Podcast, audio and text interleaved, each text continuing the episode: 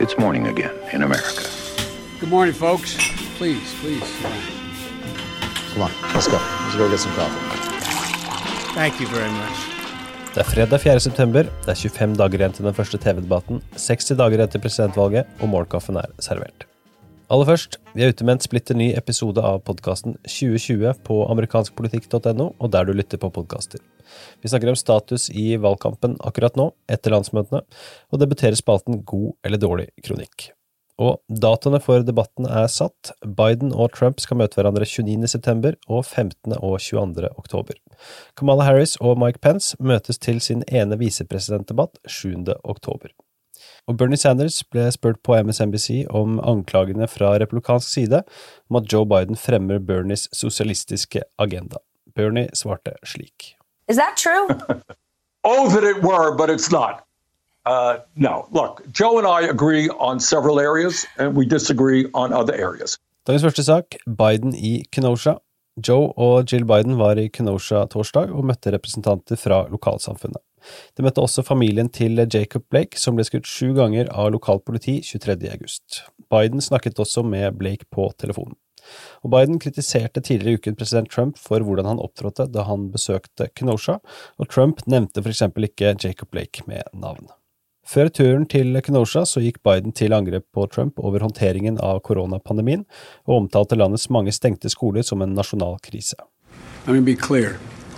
If President Trump and his administration had done their jobs early on with this crisis, American schools would be open and they'd be open safely.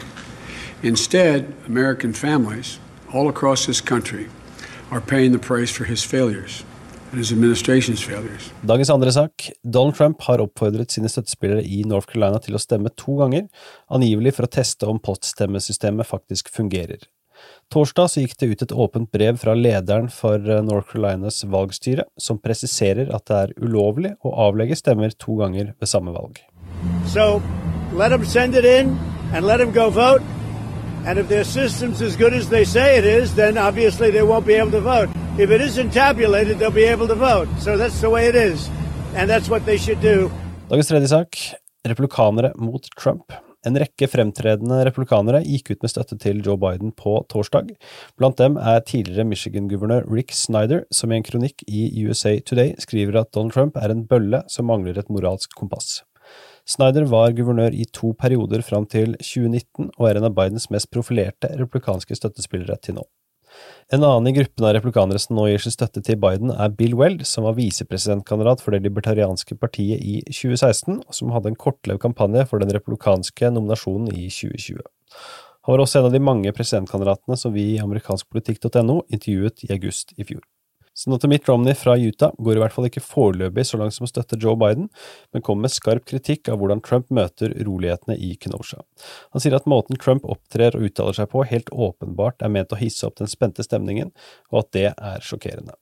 Dagens fjerde og siste sak, målinger. På fem nasjonale målinger som er kommet de siste to dagene, så leder Biden alle steder relativt komfortabelt over Donald Trump mellom sju og ti prosentpoeng. På en måling fra Monmouth i Pennsylvania så leder Biden med 4 prosentpoeng, 49 mot Trumps 45. På Quinnipiacs måling så leder Biden med 8 prosentpoeng, 52-44. På Fox News-målinger i vippestater leder Biden 49-40 over Trump i Arizona og 50-42 i Wisconsin og 50-46 i North Carolina. Det er altså to andre nye målinger fra North Carolina. På den ene leder Biden 47-45, og på den andre leder Trump 49-47. Trump er ikke helt fornøyd med målingene som kommer fra Fox News om dagen, og gir uttrykk for det på sitt vante vis. Fake news. Ukas siste utgave av Morgenkaffen er servert av Sigrid Rege Gårdsvold og undertegnede Are Togoflaten. Du leser mer på amerikanskpolitikk.no, og få som sagt med deg 2020.